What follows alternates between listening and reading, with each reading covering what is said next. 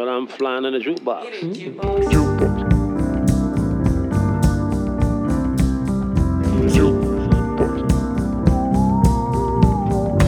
Flying jukebox. Hej och välkomna till den flygande jukeboxen, en podd av, med och för musikälskare. Jag heter Patrik Stanelius och i det här avsnittet träffar jag Isak Hedtjärn, klarinettist, saxofonist, flöjtist, trumpetare. Går det att blåsa i så har Isak blåst i det och han är också trummis. Ni kan känna igen hans namn. I den här podden har det pratats om eh, när vi har pratat om Svenska folkjazzkvartetten. Där spelar Isak. Han har ju också spelat med eh, Jocke Åhlund och eh, Joakim Nordström och Mossa Fadera på deras fantastiska skiva från tidigare i höst. Isak har spelat en hel del med eh, Fire Orchestra, vickat i Viagra Boys, spelat i jazzbandet Soltors Taverna, i eh, Isak Hedtjärn Trio som numera heter Grismask, spelat med Sibyl Attar, Kalle Malone med flera. Isak är också ett tvättäkta vandrande jazzlexikon. Det var otroligt kul att spela in det här avsnittet för att han har sån benkoll på jazz och frijazz och allt vad det kan tänkas heta. Och Isak är också jazz-influencer.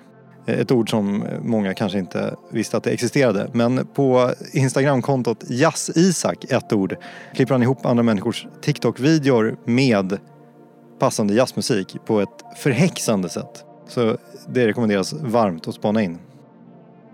Innan jag lämnar över till Isak och mig själv så tänkte jag faktiskt tipsa om en annan grej också. Och det är så att om någon blir nyfiken på att veta mer om eh, skivaffären Andra Jazz som vi pratar om så rekommenderar jag å det varmaste Elena Volais P2-dokumentär Jazzmannen Harald Hult som är en kärleksförklaring till den institution inom eh, jazzmusik och skivhandlar i allmänhet som Andra Jazz faktiskt är.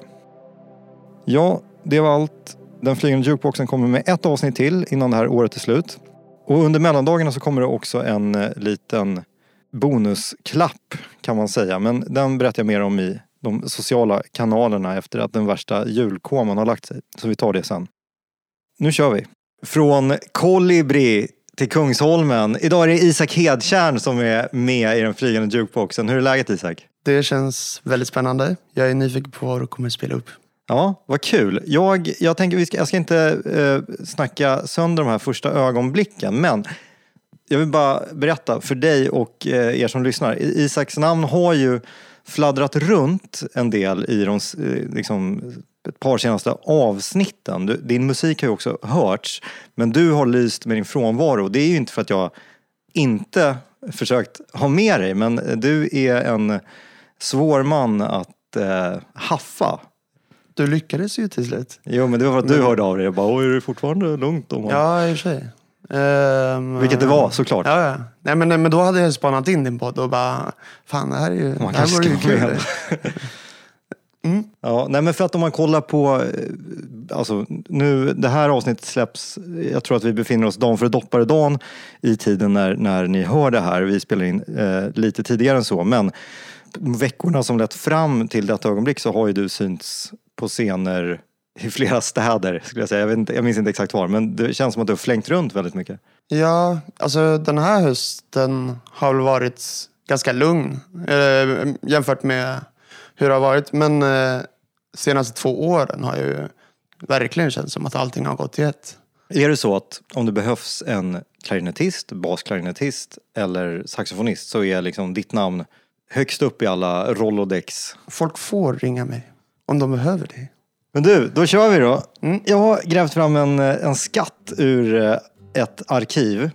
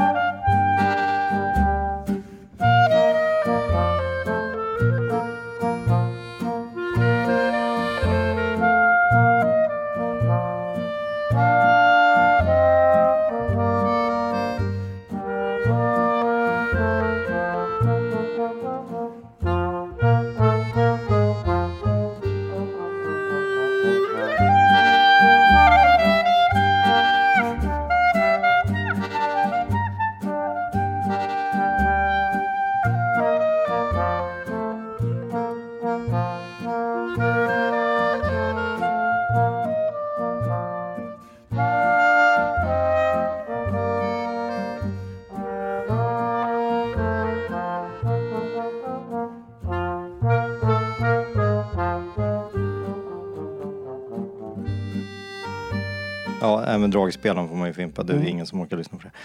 Men eh, Isak, vi lyssnade på Budapest Klezmer Band som spelar en eh, Klezmer-klassiker som heter A Gleisel of Wein. Det betyder ett glas vin på jiddisch.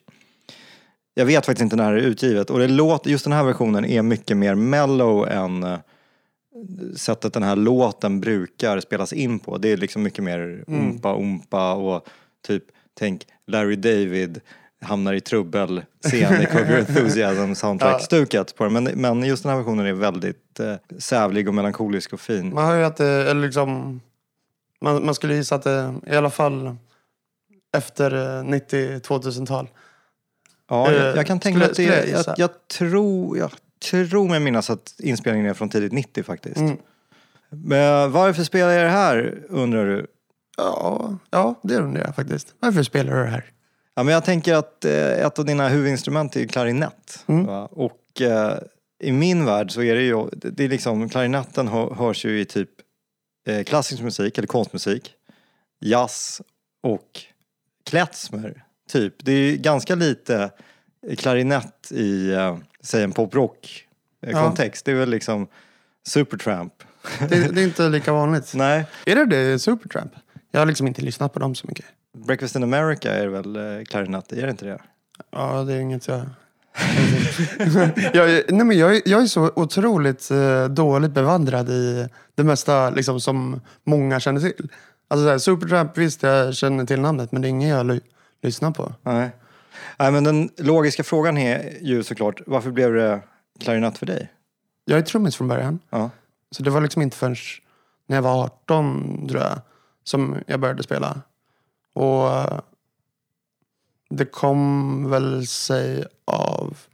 Det, det, det är svårt, eller det är väl jättemycket som påverkar. Men eh, jag hade jättemånga svackor med, med trummorna och liksom började i varje sån spela. Ja, men liksom, jag tycker det är kul med musik. Så det liksom alltid testa olika instrument. Och eh, min största favorit inom jazzen är liksom Charlie Parker och eller liksom har alltid varit saxofonister oftast. Så därför blev det klarinett. Nej men... eh, nej men... eh, nej men eh, det var verkligen en slump att det blev. För att det hade ju varit rimligare att köpa en saxofon då.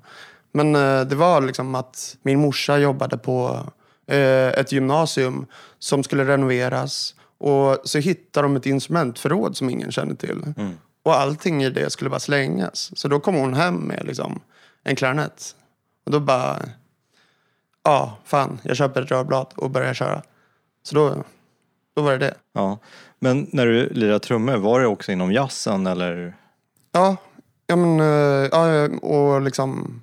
Ja, men jag studerade musik på gymnasiet och ja, men, har ju spelat trummor så länge jag kan minnas egentligen. Jag vet att det finns någon bild när jag är typ två bast och sitter och har ställt upp massa handtrummor på golvet.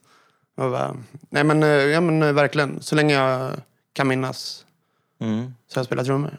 Och hur är det, eh, liksom, får du höra ofta från trumcommunityt att du är en svikare? nej, nej, nej. Det, nej men, Du får fortfarande julkort från dem. ja, alltså jag får så otroligt många julkort från dem. Nej. Allt krokar i varandra här Isak, i, i det vi ska snacka om. Så att jag river av en, en rackare direkt så, så fortsätter vi eh, prata alldeles efter det. För att eh, jag hörde den här låten igår och eh, tänkte att det här är perfekt att spela upp för Isak Hedtjärn.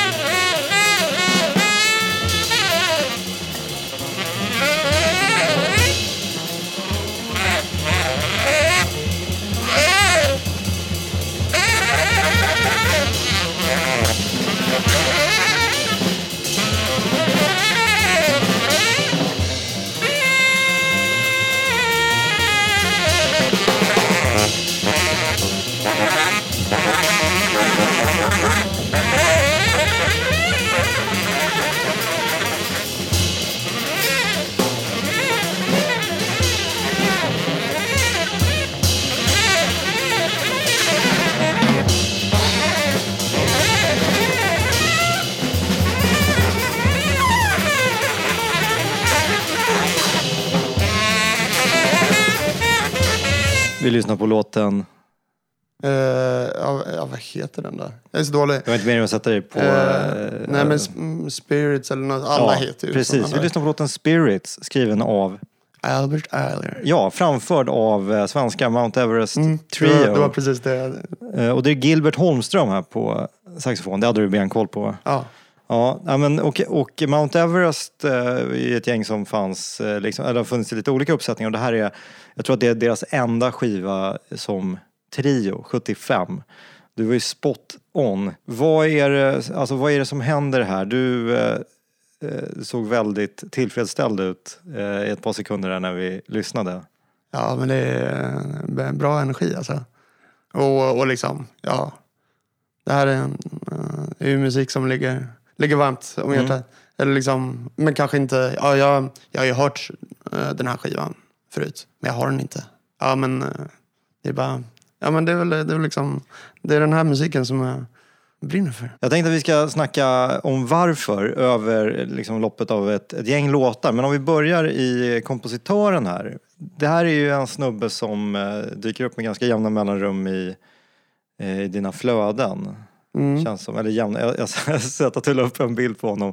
Och eh, jag är ju, jag kan säga så här, mina kunskaper inom frijazz och egentligen jazz överlag är ganska grunda. Så att eh, du får ju vara vår eh, Benjamin Syrsa här och liksom ta vår hand och leda oss in i den här världen. Men vad är grejen med honom framför andra, om det är så för dig?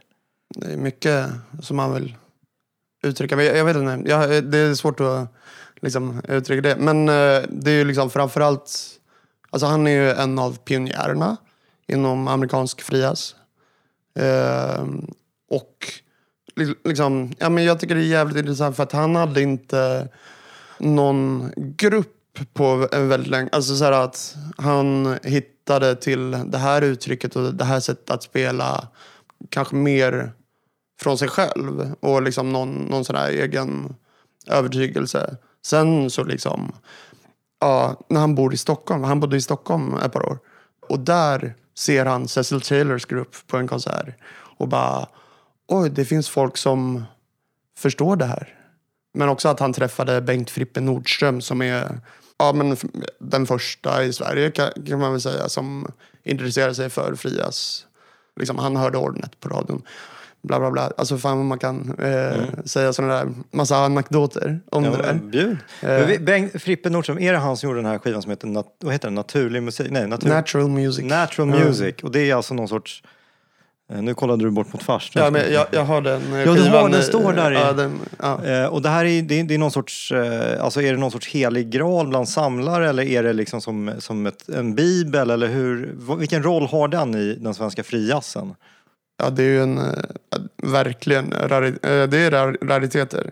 Han var ju väldigt tidig med att ja, men, eh, trycka upp, alltså göra allting själv. Han, han spelade in sig själv i sin lägenhet, hade en mick och liksom, man kan höra på, på de här inspelningarna att han går runt sådär. Men eh, där är det också att det är liksom ja, men olika, det är ett visst antal eh, sidor där, som han också kombinerar ganska hejvilt. Så att det är liksom, det, Alltså sidor av en skiva eller ja, not? så att om man tänker att liksom, vi har fyra skivor så är det liksom en A-sida, en B-sida, en C och D. Ja, man kan se det som det. Men att han liksom, okej nu på den här skivan då är det A-sidan och D-sidan. Eller liksom sådär. Så att det är liksom omöjligt för, eller ganska omöjligt för samlare då. Att eh, hålla, hålla reda på vad, ja, okej, vad finns, hur många ex är de här släppta i? Mats Gustafsson har ju gjort, eh, ja, saxofonist, har gjort världens research med det där, katalogiserat det där. Så att nu kanske det finns den kollen. Men jag har inte koll på det. Om man snackar om musiken då, för att jag, jag tror eh, att om de flesta människorna tänker på jazz så tänker de på Duke Ellington eller, alltså det är lite behagligt att hälla ner i öronen sådär, eh, lite mysigt. Men att gå därifrån till Ja men det vi hörde nu och bortom det, vilket vi snart eh, kommer att höra. Det är kanske inte ett vad ska man säga, naturligt steg att ta för många som liksom lyssnar. Hur, alltså, bara lite kort och så fortsätter vi på andra sidan nästa låt. När började du lockas av frias uttrycket, fri improvisation, att, att låta lite som en förbannad mygga? Jag tror att jag liksom, det var, det var en bana av att bli, men att man lockas till saker man inte förstår. Eh, så att liksom, mitt lyssnande, jag vet att det blev liksom, ja men konstigare, konstigare och konstigare. Alltså så här, eller liksom, och att det går från, okej men jag känner till det här. Och det, ja, jag vet inte, kanske börja med att jag, jag var i en fusionvärld. Liksom, alltså så här, att det, du vet, när jag spelar trummor, eh, bara att man gillar duktig, eh, alltså skicklighet. Och att så här, man börjar där för att ja, mina föräldrar, Det är liksom fusion är ga- gateway-drogen till... inte nödvändigtvis. Men, eh, men, liksom, men så hittade jag Zappa, och som är ett helt annat uttryck. Som inte är lika slikt som det jag kanske hade hört. Eh, och det blir spännande. Och sen så bara, okej, vad finns det för någonting som är eh, som Zappa då? Eller liksom i den världen. Och Captain Beefheart hittar man då. Och det är ännu konstigare. Och så liksom Mats och Morgan, svenska gruppen, liksom vad hade inspirerat dem. Att, liksom att det blev ja, mer och mer konstig musik. Mm. Men eh, sen var det liksom, okej, jag fick höra om fria, eh, fri, fri improvisation som koncept. Och att det, det var egentligen genom att spela det för första gången. Liksom utan att ens ha hört någon sån musik. Det var min, mitt första möte med det. Och det var helt banbrytande. Eller liksom, ja, det förändrade så jävla mycket. Okej, då sätter vi en cliffhanger Mm. på den. Och så sätter vi igång en, en låt. För att jag, jag måste säga att alltså när jag lyssnar på det här, jag, jag, jag börjar bli allt mer fascinerad av Fria. Så att, att jag tror att det är, liksom, det är min nästa upptäcktsfärd att göra. Och det som fascinerar mig är hur det kan hänga ihop.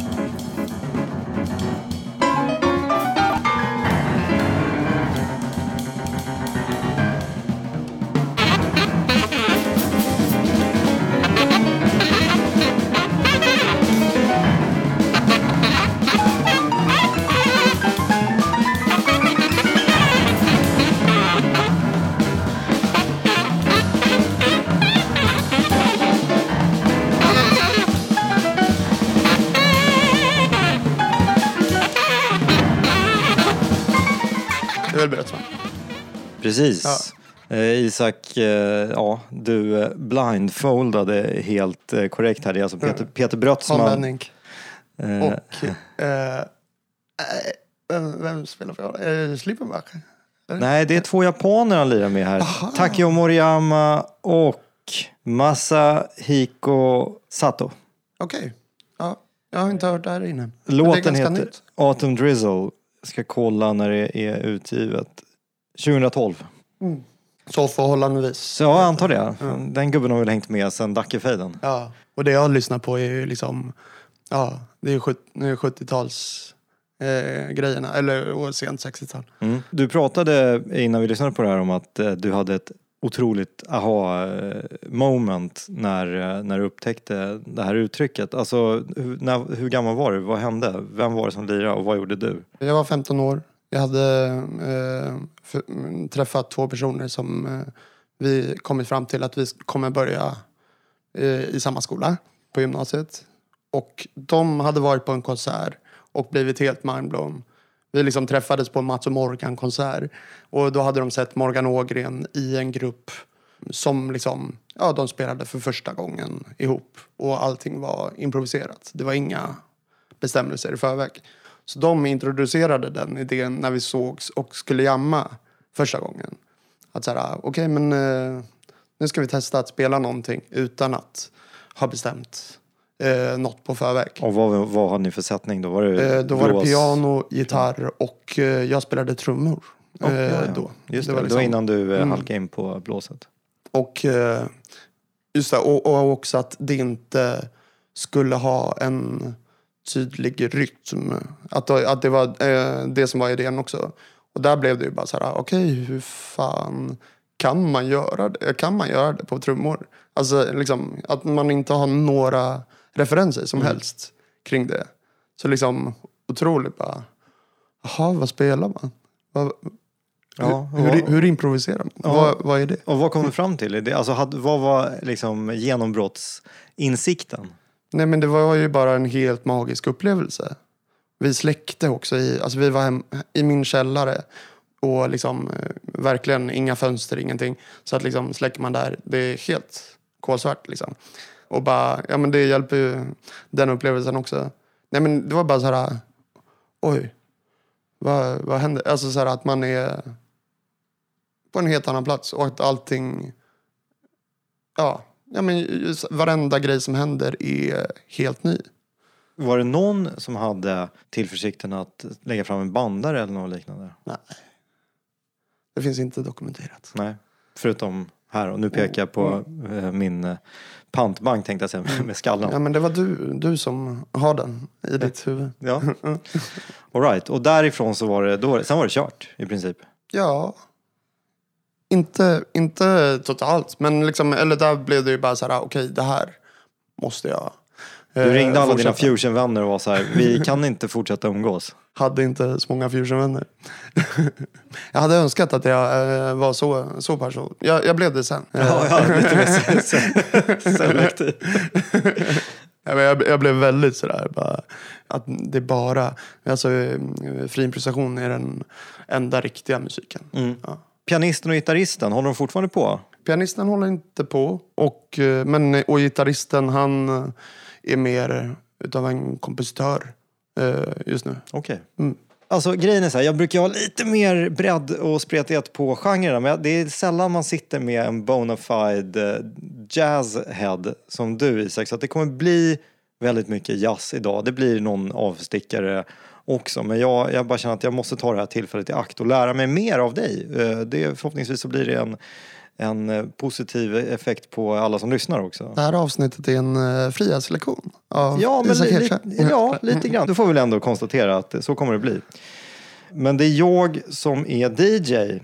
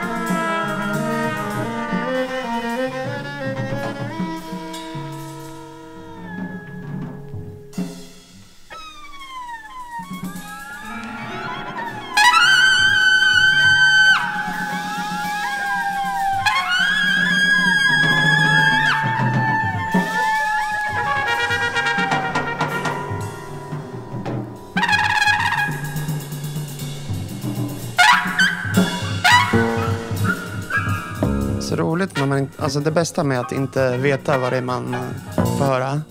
Eh, jag, jag tycker att man lyssnar på ett annat sätt. Alltså att man är, blir liksom... Ja, Hör grejer. Ja, och att det liksom inte blir... Ja, hade man vetat om det är någon som man rent spontant kanske inte har jättemycket för eller liksom för att man har... Bara, ja, men att man har någon för, förutbestämd bild av det. Alltså att man lyssnar dömande Mm. på ett annat sätt. Just det, jaha, ja, ska vi Eh. lyssna på det här nu? Ja. Och att man liksom... Mm, ja, precis. Mm. Dömer det på förhand. Vi lyssnade på en eh, amerikansk trumpetare som heter Barbara Donald, eller hette, hon gick tyvärr bort 2013. Men det här är en inspelning, hon släppte bara två skivor. En liveskiva, Live at Olympia och eh, The Past and the Tomorrows, tror jag den här heter. Eller så är det eh, spåret vi lyssnade på. eh, med gruppen Unity. Eh, också eh, 82 eller 83. Men hon medverkade på fler eh, skivor. Ja, Eh. precis. Hon lirat med Rosanne Roland Kirk och... Mm. Var hon, var hon ja, det, det är någon som heter Barbara som var tillsammans med Sonny Simmons, en saxofonist. Det är mer än vad jag vet. Eh, men ja. det stämmer säkert Jag, med tanke jag tror på att, det. Ja, precis. Men hon släppte två skivor under eget namn. Liksom. Vilket får betraktas som eh, synd. Jag tycker hon blåser bra. Men eh, den här skivan, det var det jag skulle komma till. Den är utgiven på ett eh, skivbolag i Chicago som heter Cadence Records och deras tagline är A home to all kinds of jazz even though it's not commercially viable. Och eh, jag tänker att det kanske är lite av eh, huvudrubriken för genren i stort. För mig har det inte... Eller liksom, det var inget eh, val Nej. riktigt sådär. Eller Friasen kalla. Ja, jag var, jag var lite för övertygad om att det var den enda vägen. Mm. Det har ju gått ungefär lika lång tid av ditt liv sedan dess. Mm. Om jag inte räknar helt fel. Och om du kollar i backspegeln, eh, var det värt det? Alltså, ja, ja, ja. Det går inte att säga något annat om. Nej. Men, eh, men jag kan ju också bara så här... Eh, eller jo, men fan, att vara så också. Eh, på ett sätt så var jag verkligen tunnelseende musikaliskt eh, i, i den perioden. Att liksom, det var bara det som gällde. Men eh, på ett sätt samtidigt så... Alltså, jag hängde jättemycket i en skivbutik och det är så jag liksom... Ja, det är väldigt mycket jag har lärt mig eh, av det. Och att han också var väldigt öppen, fast väldigt specifik i eh, vad man gillar, fast brett. Jag misstänker att du pratar om andra jazz och Harald Ja. Hult. Ja, Jag har faktiskt en eh, låt på det ämnet. Den kommer lite senare. kul. Det ska du definitivt eh, få berätta mer om. Jag tänkte fråga, bara begreppet frias kanske skvallrar om att det inte finns så mycket regler. Men eh, om vi då tänker oss det här pedagogiska uttrycket som vi ska försöka anlägga. Alltså liksom enkelt sammanfattat, vad är det som kännetecknar friasen om man jämför med typ, säg tradjazz eller bebop eller swing eller dixie. Eller, alltså det som folk som inte lyssnar så mycket på jazz kanske ändå har hört något av. Alltså, där blir det alltid så här, okej, alla jävla begrepp eh, på allting. Okej, vad är jazz, vad är fritt? Bara att det är så här, det är på olika sätt. Och liksom, det är ju ofta inte musikerna själva som har satt namnet på det. Men vad jag ser som liksom, genren frias, då är det eh, att det är jazzmusik som är skapad med avsaknader eh, om liksom, eh, bestämmelser eller eh, liksom, ja men typ, okej, att det kanske inte är en tydlig harmonik. I, i, I viss musik så är det det som är grejen. Alltså att det är ackord, eh, bestämda ackord. Sen att det inte nödvändigtvis är i en taktart. Att det, ja, att, eh, att det finns saker som är fria från bestämmelser. Eh, Men sen så i tidig frias då är det ju ja, att det ofta är vissa element eh, kvar. Som liksom, ja men Ornets till exempel, det var alltid i time. Men inga ackordgångar. Och det var alltid en, det började och slutade med en melodi. Medans Eiler kanske, där var det, ja där var bara melodin som var bestämd eventuellt. Eh, och åt allt annat. Eller liksom, han gick mycket på energi enbart. Eller det var det som var viktigast för honom. Och sen så om man tänker på vad jag, bruk, vad jag kallar eh, europeisk eh, fri improvisationsmusik. Då har man liksom, då finns det ännu mera liksom att man vill bryta sig fri från en jazztradition. Eller, och där närmade de sig konstmusikvärlden men också bryta från instrumentens tradition. Att liksom inte spela eh, toner eller liksom att försöka undvika det. Eller att spela tydliga melodier. Så att ja, men många blickade ju till tolvtonsmusik. Och, men också att komma på andra sätt att få instrumentet att ljuda. Mm. Bra, bra sammanfattning. Och om man då tänker sig ett par, tre stycken, eh, ska man säga, grundkursverk som, eh, som folk som är nyfikna, inklusive jag själv. Jag har The Shape of Jazz to come hemma, men eh, man vill liksom gå bortom det. Mm. Vad, vad ska man spana in då? Men eh, okej, inom, inom amerikansk frias, hur det, det började, då är det liksom tidig Cecil Taylor, Albert Tyler, eller ja, Cecil Taylor överlag, inte bara tidig. Men eh, Ornette var ju viktig. Ja, men de, de, de var väl, liksom, kan man väl säga, pionjärerna i att bryta sig loss från eh, jazzens tydligare ramar. Mm. Och i den europeiska fria improvisationsmusiken? Då, då skulle jag rekommendera att spana in Derek Bailey, eh, spana in Peter Brötzman. Alltså man kan säga att liksom, eh, där, då fanns det liksom en väldigt tydlig brittisk scen och eh, en tydlig tysk scen, eller tysk slash, ja och holländsk också. Just det, och Han Benning. Så da, om man, om man liksom spanar in, bara, söker på dem och bara, ja, vilka spelade de med? Då har man en ganska bred bild av, tänker jag. Bra. Eh, du snackade lite om eh, energi eh, och i samband med Albert Eiler där. Och kul att du nämnde det, för jag har en låt här som jag tänker är, det är samma samtalsämne men nästa ingång här. En annan viktig del att nämna när det gäller det också, eller liksom vad musiken handlar om, att det är kommunikation. Och att utan att ha för snäva ramar, då blir det mera fokus på hur man kommunicerar genom musiken. Jag är en melankolisk man. Gör vad jag kan. Hela världen omger mig med det jag aldrig hann. Jag är en mycket ensam man. Tror på ett land och på en verklighet som måste vara sann och jag kommer att bli stark. Vänta och se.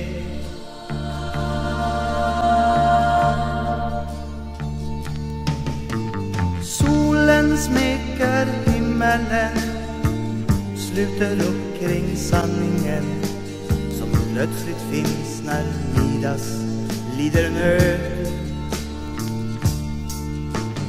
Nattens stjärnor faller ner Bortom haven där vi aldrig ser.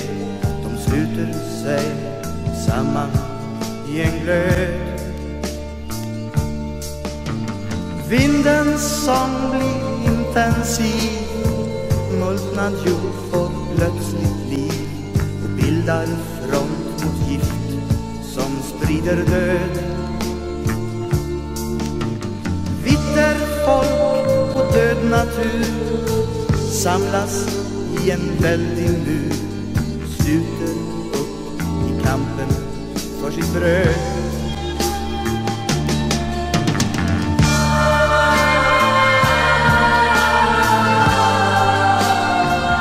Året är 1972 och eh, västkustmusikern, jag tror han är från västkusten, Robert Barklund släpper sitt album Barkbitar. Där den här Moody Blues-covern, Melankolisk man, en eh, svensk text på eh, låten Melancholy Man, är med. Varför spelar du det här?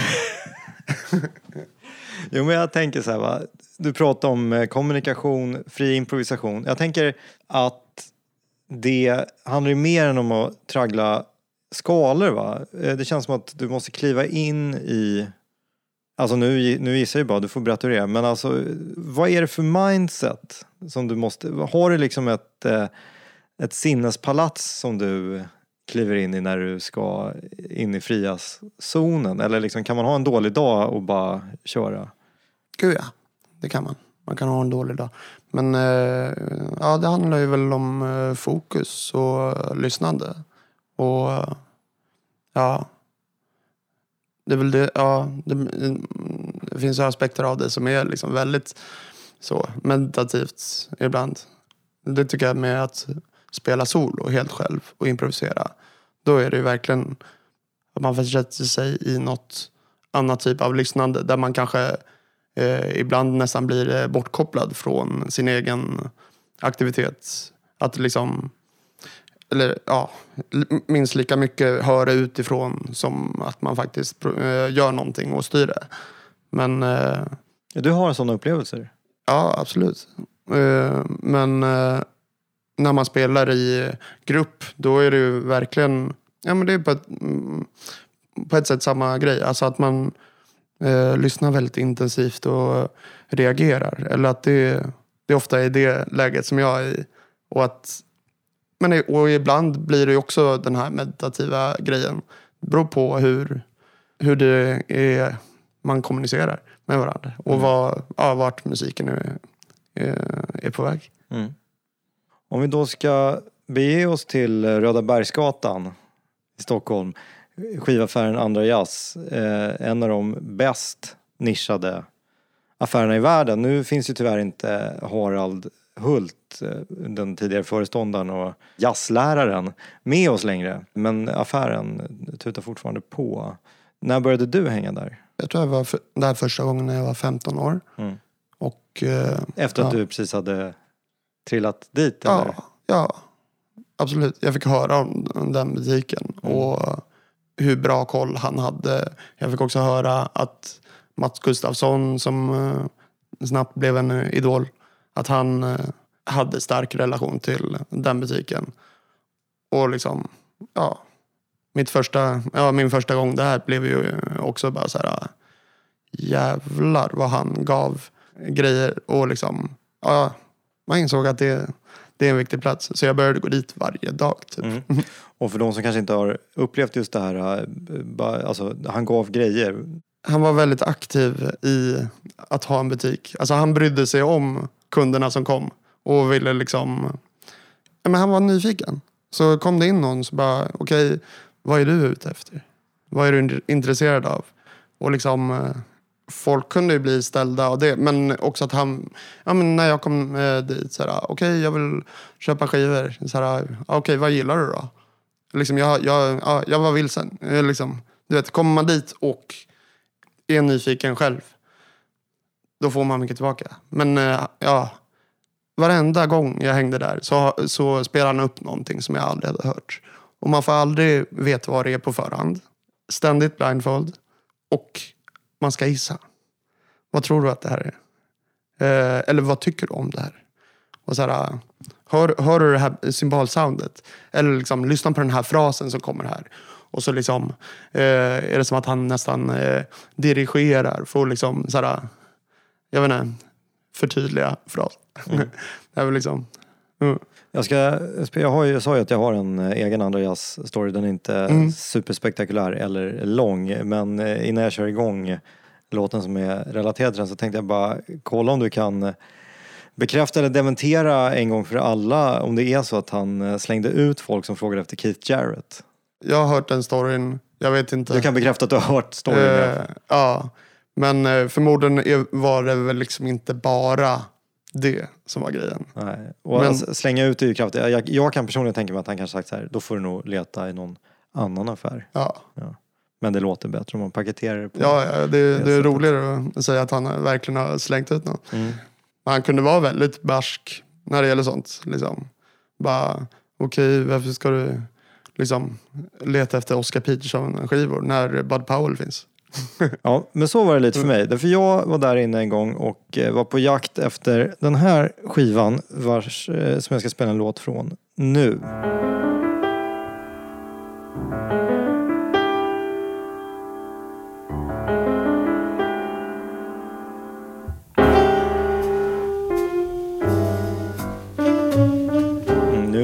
Isak i gåshudsterritorium. Ja, ja. Det här är så fin låt. Det är så fin låt.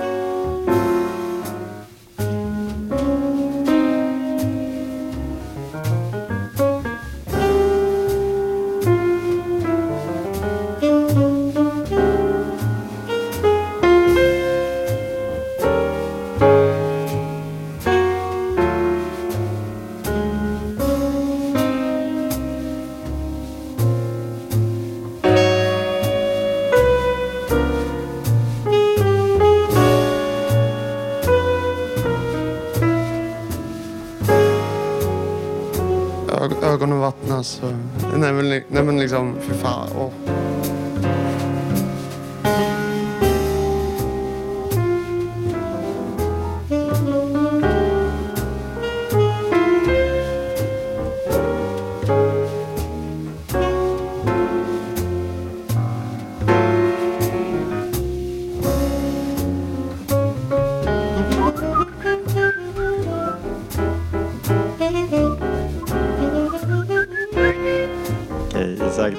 den här eftersom det uppenbarligen är någonting du är intimt bekant med.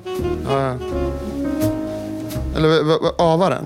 Eller jag ska säga vad det är. Ja, precis. Vi har Eh, lyssnat på Ja. Vad heter den? Vad är det det? Ugly Beauty? Ja, det heter. precis. Och det är Thelonious Monk som har skrivit låten. Och vi hör Charlie Rouse på tenorsaxofon. Och eh, fan, jag minns inte vilka som spelar. Men det är från en skiva som heter Monks Underground. Ja, Eller bara Underground. kanske. Underground. Precis. Och det var den jag letade efter inne på eh, Andra Jazz. Och eh, jag frågade om du har och så ja, kanske det. Vad ska du Mm. ha den för? Och sen så hittade jag den och så sa han, ska du verkligen ha den här? Roligt. Ja, han kunde vara med mig också. Eh, Han, han var en rolig snubbe. Ja, han var en rolig snubbe. Men, eh, Men blev du förnärmad av det? nej, inte alls.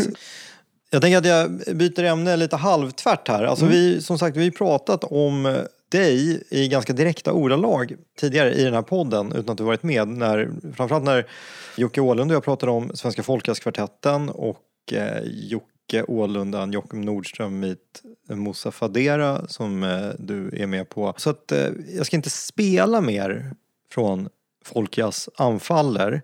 Men jag vill gärna prata mer om den skivan med dig och så ska vi lira en, en låt som eh, är lite besläktad kanske. Ska vi ta och lyssna först? Det är som du vill. Mm. Väldigt fin skiva det här.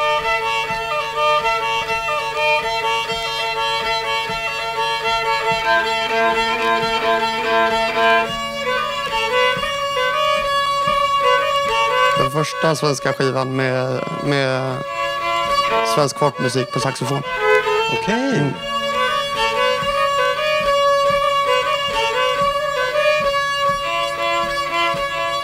Han har så fint sound.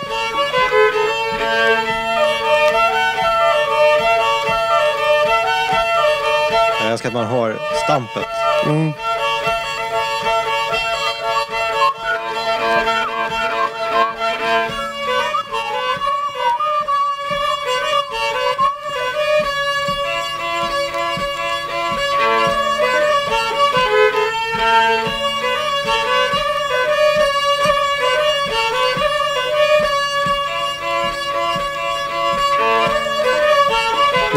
Han smyga in. Man hör liksom knappt.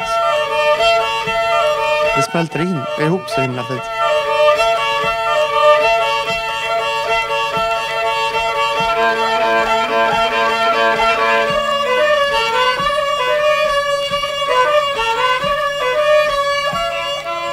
Någon på Discogs kallar det här för Pure Acid Folk. Pure acid. folk. Ja. Det är roligt. Eh, Vi lyssnade på Springlek från eh, Anders Rosén och Roland Keisers album Forsens låt med ett otroligt fint omslag av eh, Lojsa av Geijerstam. Den, den skivan har jag också i den där hyllan. Ja, nice. Utgiven på Hurv. Och om man tänker att man höjer tempot lite grann, slänger in en trummis, en basist va? Och klarinett på det här så har vi ju i princip Svenska Folkjazzkvartetten. B- Berätta, för att ni, ni förvaltar ju ett pissgammalt arv och eh, får det att sjunga och fräsa. Hur, hur föddes den idén? jag och Jonas, som är den andra som spelar klarinett och saxofon i gruppen. Alltså, ja men typ eh, när jag började spela klarinett så blev jag samtidigt lika, eller fick jag upp ett intresse för svensk folkmusik. Och vi sågs och spelade det ihop. Och jag liksom ganska specifikt så ble, eh, var det liksom en spelman som heter Jössa Anders. Som jag bara totalt, bara, åh jävlar, fan vad grymt. För att man ser, ja jag tror att det var liksom, ja, det här är ju samma energi eh, liksom, som den musiken jag gillar. Eller liksom att det är bara, uff, det, det är power i den musiken. Trots att det bara liksom är en spelman som spelar. Men, och Jonas kommer från, eller hans pappa då, eh, kommer från samma ort som Jössa Anders var ifrån. Och det var liksom, Och var är vi någonstans i landet? eh, vi är i Dalarna, vi är i Orsa. Och ja, det är musik som liksom fortfarande, ja, folk spelar låtar som associeras till, eller som är kopplade till den orten liksom. Och han kunde dem. Och jag hade lärt mig dem via inspelningar på Jössa Anders. Så, så liksom min uppfattning av låtarna där, eh, liksom av att planka dem väldigt noggrant, att det, det är så roligt att det skiljer sig åt. Var liksom, det här är det vanligaste sättet, eller det här är det vanligaste sättet att spela de låtarna. Och att det är liksom, för det kan vara så jävla detaljrikt och skilja sig, eh, skilja sig mycket liksom, mellan olika spelmän. Det var det som var tjusningen och ganska tidigt kom vi på den idén om eh, så här, ja men det vore kul att kombinera det med, med jazz. För att det är liksom väldigt, ja men om man tänker rytmiken i de här låtarna, det är väldigt speciellt och liksom ganska, ganska avancerat. Och så finns det eh, en trummis som heter Elvin Jones till exempel, som liksom också har det där, ja men nu blir det musikteori. Nej, men, eh, att det är liksom en stor variation av trioler och sextondelar. Alltså att det finns något polyrytmiskt i det. Jag håller som- micken mot bordsskivan så kan du eh, banka ut lite. Ja, visst. Nej, men liksom.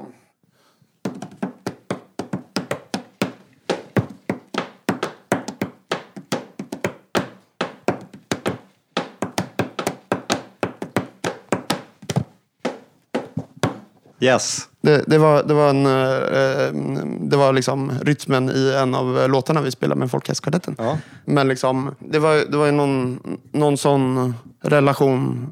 Eller bara, ja men det här borde ju smälta ihop så jävla bra.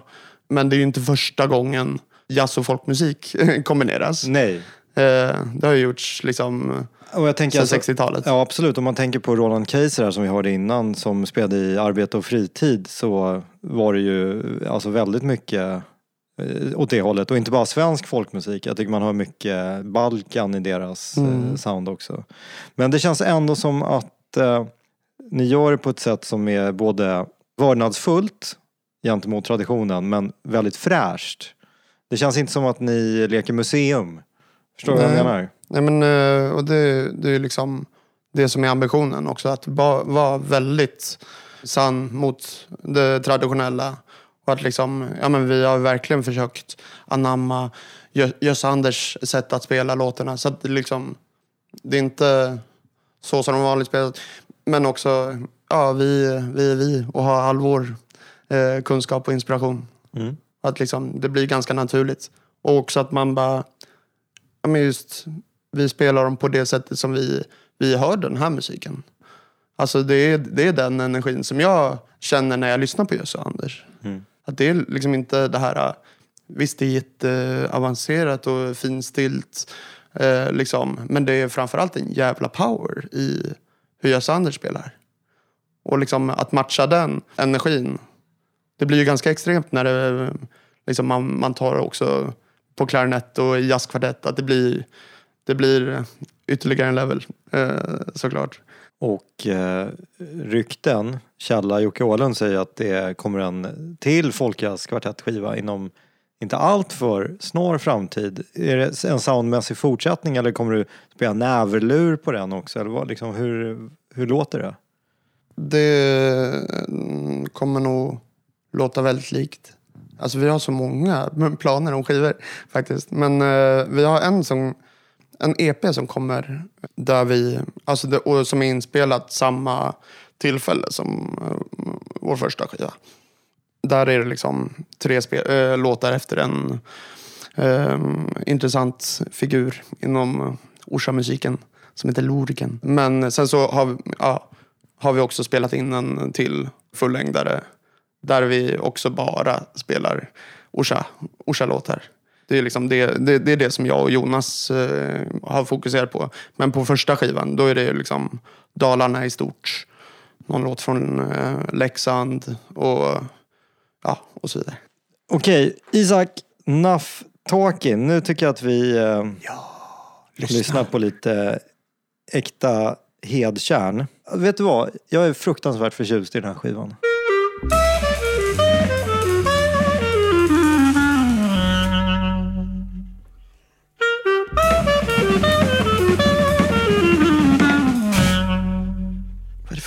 Självklart. Finns det?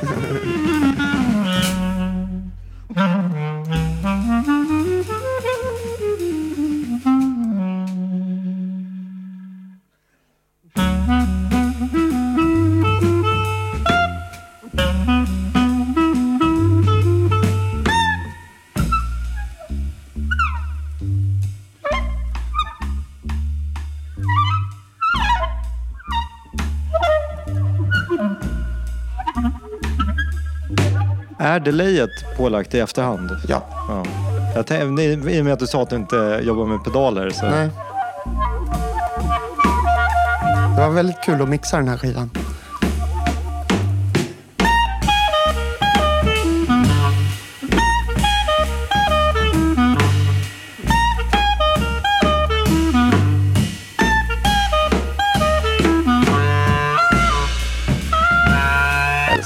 Älskar Erik Karlsson, trummisen.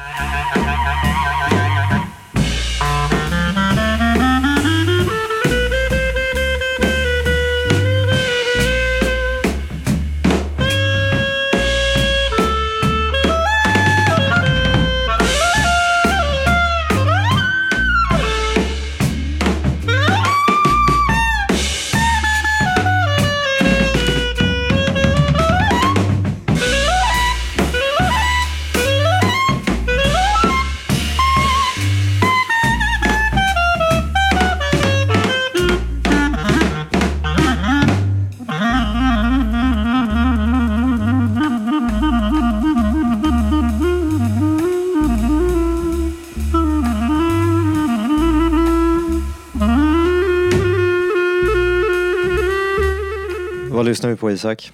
Vi lyssnar på Grismask fast eh, spåret heter Allergic to Cats. Med gruppen? Med, ja, nu har vi bytt namn från eh, väldigt otydligt eh, och anonymt namn IH3 så har vi bytt namn till Grismask. Okej, ni heter Ja. helt Ja. IH3 stod alltså för Isak Hedtjärn Ja. Trio. Var det ett gemensamt beslut eller var det du som kände att det inte bara kan vara du och två andra? Ja, men det är så otroligt okreativt att kalla en grupp sitt eget namn och trio för att det är en trio. Jag tänkte, och det fanns ingenting med att ni nästan heter som JH3, Jari Happalainen Trio. Det, det var inget eh, vi- jag tänkte på Nej. när jag satte det namnet. Men Grismask är Mm. ju ett lysande namn. På den här skivan är ju också, ni, ni är ju också fyra ibland. Mm. Det är Sebastian Murphy som är den fjärde. Som är, är vokalist i gruppen Viagra Boys. Ja, Som gör ett, alltså en oförglömlig insats eh, i titelspåret bland annat. Han, han dyker upp flera gånger men jag, eh, vet du vad, jag, vi lyssnar lite på det för jag, Mm. jag, jag har frågor. ja. jag har svar. Grismask, mjuk, grishatt, inte så mjuk. Det är med tryne. Älgfot, älgkeps, ställbarn, älgmask. Felix? Ja, ja. Ja, redan innan jag kom hit fick jag höra. Felix hade en sån argsint fru. Men när du pratar med mig är du inte alls här. Tycker du inte ett dugg om honom? Fast ni har varit gifta så länge. Vad hände här? Det är så absurt. Det här är, det här är liksom första gången, tror jag, eh, som Sebastian är med i ett sånt här sammanhang. Eller liksom att ja, vi, vi bestämde ingenting på förväg. Men ja, han kände att han ville ha lite, nå- eller i alla fall någonting att förhålla sig till i en sån situation. Och det han hade framför sig var eh, ett urklipp på en gammal annons för olika grisattiraljer. Annons varifrån? Eh, ja, det, liksom, han, han fick ett anteckningsblock av en kompis. Och så hade den här kompisen lagt i lite olika sådana där inspirationsgrejer. Eh. Bland annat den. Så det är grismask, grisoverall, diadem med tryne. Den andra, den andra eh, grejen han hade framför sig var en, eh, ja, från en sida ur en gammal erotisk novell. Okej. Och han, men Han- hade ni repat innan? För han är ju Nej, så... nej, nej. Han, alltså, han är ju så perfekt med. Natural talent. Nej men alltså helvete vad... Ja men jag är jävligt impad av Sebbe. Alltså jag har vikarierat en del i Vägboys och det är liksom tack vare det som jag... Som den här gruppen överhuvudtaget finns till. Ni som numera heter Grismask. Ja. Vi fick en frågan efter att, ja, jag tror det var första turnén jag var med. Eh, bara, så skulle de spela på Nobelberget. Och bara, ja, men, eh, Benke frågade liksom, ja, men vet du någon fri, eh, friasgrupp som skulle kunna köra? Liksom, eh, inte här, har du någon grupp? Utan, vet du någon grupp? men, eh, Du bara, då- ja, de heter IH3. Skit i vad det står för. Ja, men exakt. Nej, men jag, alltså, jag har en trio. Vi hade aldrig mötts då. Nej, men, eller alltså, jag har spelat med alla i olika sammanhang tidigare. Men eh, bara...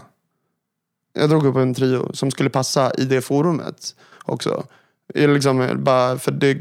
Ja, kanske inte hade passat med liksom, eh, väldigt eh, eh, tyst akustisk musik i ett sånt sammanhang. Men, eh, så det är Patrik Thorman som spelar bas. Och där var det också så kul att liksom fråga honom specifikt om han kunde spela elbas. För jag har mest hört honom spela kontrabas innan. Men eh, senaste åren så hade han liksom mest spelat i rockband och liksom lämnat lite jazz, jazzscenen.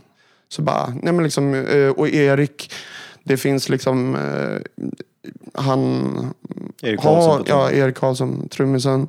Han har inga hämningar. Nej men liksom, man kan inte, alltså såhär, det är si och så mycket man kan eh, bestämma. Men, eh, liksom, okej men eh, tagga ner lite nu. Eh, liksom, men det, blir, det går inte. och eh, fan man älskar det. Och också att bara tillåta det. Såhär, ja men fan, kör. liksom, hund, det, det ska vara hundra procent. Liksom. Eh, Det- Jag tycker att eh, det, det skaver så skönt mm. att lyssna på den här musiken. Och eh, jag undrar, kommer det mer eller var det är en engångsgrej? Säg att det inte var det. Det är inte en engångsgrej. Nej men där finns det också, alltså, jag har så många idéer eh, om liksom olika samarbeten. Kanske mer, mm, alltså trion eh, som utgångspunkt. Men också liksom, att göra mer med Sebbe. Det finns, ja men vi har eh, börjat planera inför en ny skiva. Så eh, förhoppningsvis så spelar vi in i mars. Okej, Mm. kul. Då får vi göra ett specialavsnitt sen när den är klar och där Ja. vi lyssnar igenom mer noggrant.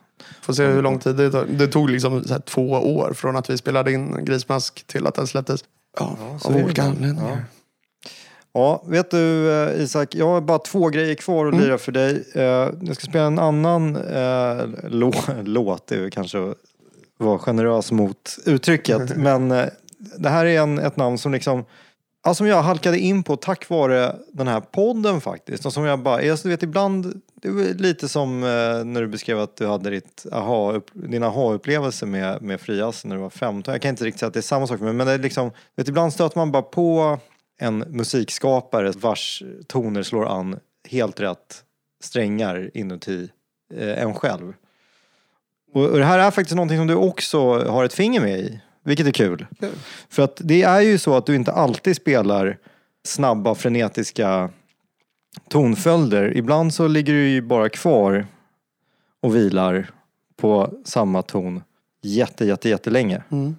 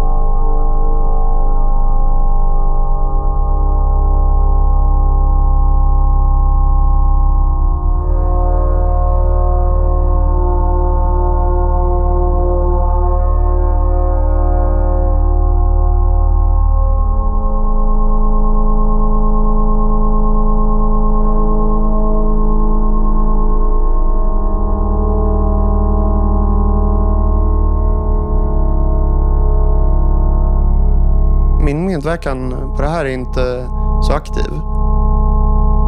Jag spelade in toner i olika längder. Bara separat. Okej. Så har liksom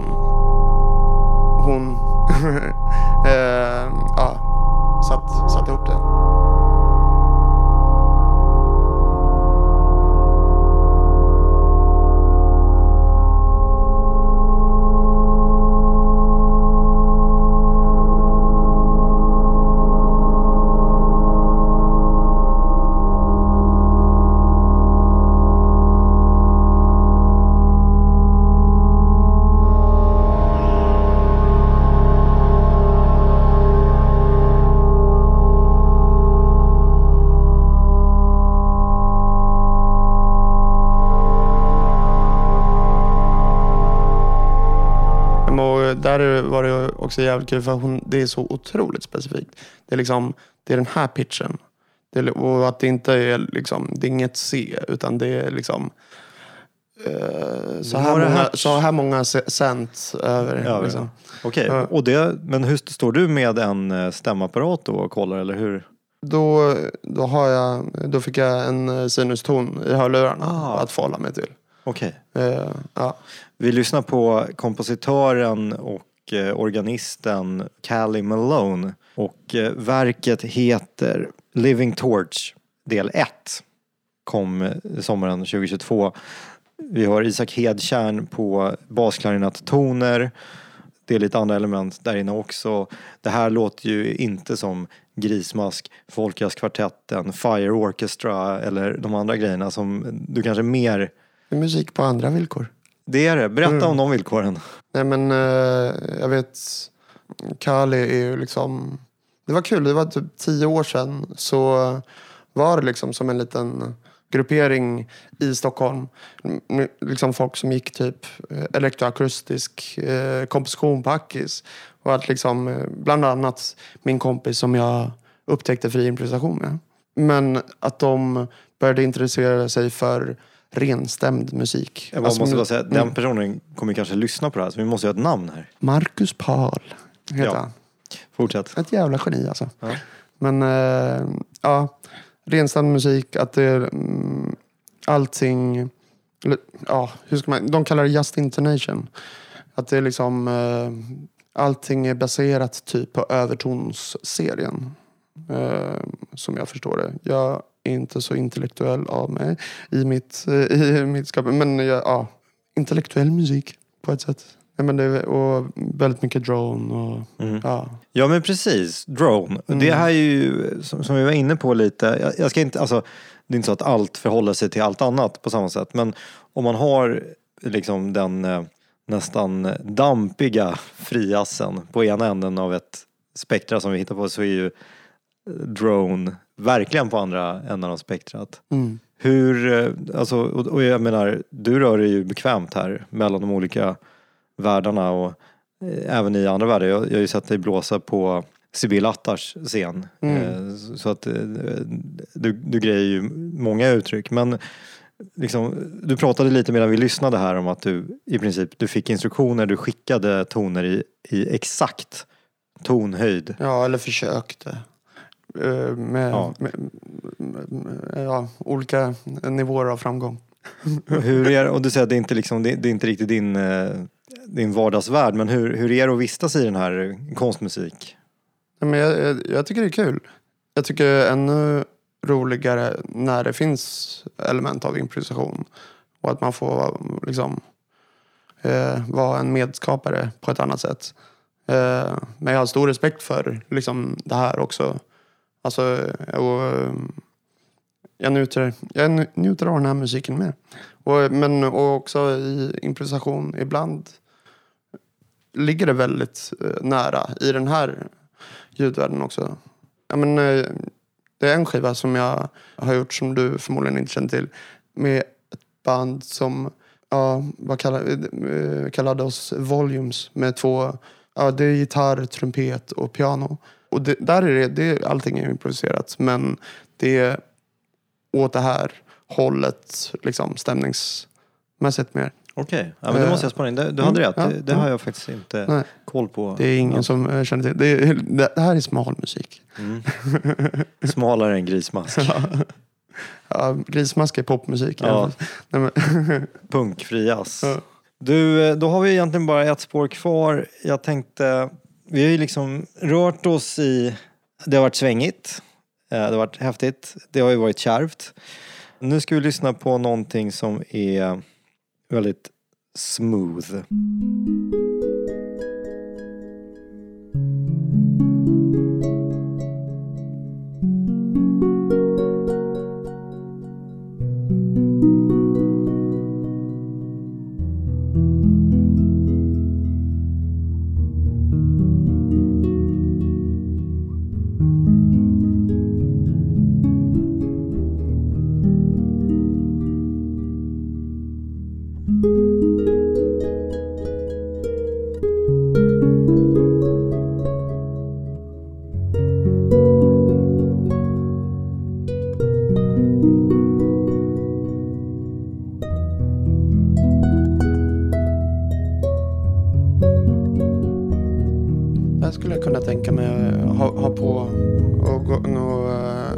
Lägga sig till. Mm. Väldigt så.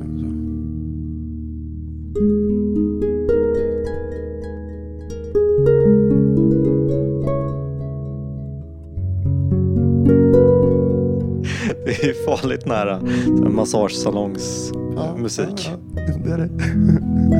håller jag med om.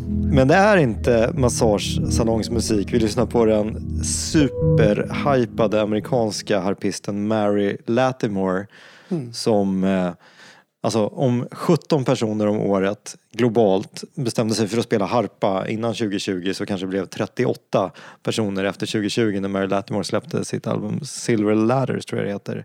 Som eh, hamnade på väldigt många års bästa listor. Det är en jättebra skiva men det är ju easy listening i liksom avantgarde format. Är, eh, är det i ett avantgarde-format det här?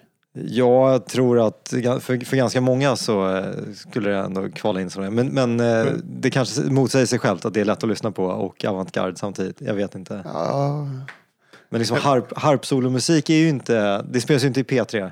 Nej, det, nej, inte i P3. Men, Men- det gör inte Grismask heller. Nej. Trots att det är så liksom, nej men det är ju verkligen easy listening. Eh, eh, Jämfört med vad, nej. Ja, men, jo, men det var faktiskt dit jag ville komma. Du blev nästan provocerad lite grann av att jag lirar här. Jo, men är det så att, för du rör dig ändå liksom i en, en värld som är ganska far out. Eh, tycker jag. Och, jag, Ja. och jag, jag tycker det är, en, det är en väldigt trevlig värld att vistas i. Men den är ändå, om man bara kollar på så en traditionell liksom, Ja. musikart, alltså, det, det får man väl ändå tillstå. Ja, det men inga konstigheter. hur, blir- är det, liksom, blir det någon som motsatseffekt på det? Att det skaver när du har såna här grejer som man liksom inte riktigt behöver engagera sig närmare med? Vi kallade det för massagesalongsmusik här när vi... när vi- Ja, alltså nej men eh, det jag skulle kunna störa mig på lite är att ja, det här, den här eller liksom man, ja, nej, jag vet inte, det är svårt att uttrycka, men eh, det är bara inte musik för mig. Jag tycker inte det är så spännande. Nej. Va? Höra liksom vanliga ackordföljder i arpeggio. Jag tycker hon har ett supermysigt Ja, sound. ja, ja det, men alltså, det är jättefint. Och liksom, jag har inget så specifikt on, ont om Nej, men hon Alltså- skulle behöva klippa av några strängar på sin harpa för att det blir intressant. Ja, men kanske preparera med lite så här, folie, lite folie runt strängarna och, och eh, kanske skrapa lite eh, mot dem. Ja, Nej, jag, jag, tror, jag tror typ att hon gör det ibland. Eh, Men okej, men då har du ändå bekräftat min tes. Ja, Eh, Alltså du, att du har liksom gått så långt ifrån ljuset. Men jag tycker det är liksom, eller det, det som jag tycker är så spännande nu typ med att samarbeta med folk som, eller att samarbeta med folk i olika genrer. Att så här, för du sa någon, det var någonting som du sa tidigare som jag reagerade på lite. Att jag känner inte att jag liksom kan massa olika genrer. Eller liksom att jag kan massa olika stilar. Jag spelar som jag spelar. Och det är det som är så jävla kul. Att typ överföra det till många sammanhang. Olika jag, sammanhang, jag ger ja. inte avkall på mitt eget. Nej, beställer man Isak Ketchan så får man Isak Ketchan. Ja, ja. Mm. ja. Och med de orden önskar vi alla en risig jul. ja. Har det helt för jävligt nu hörni. Ja men ha en god jul eh, också. Eller ha det bra vad ni än gör. Om ni inte firar jul så får ni ha något annat kul för er Man istället. kan ha kul ändå. Ja. Har du några bevingade ord som du har lärt dig längs den här um, skumpiga resan som vi kallar livet som du vill dela med dig av innan vi släcker apparaturen här? Eh, musik är skoj. Och hoj. Tack så mycket Isak. Tack själv.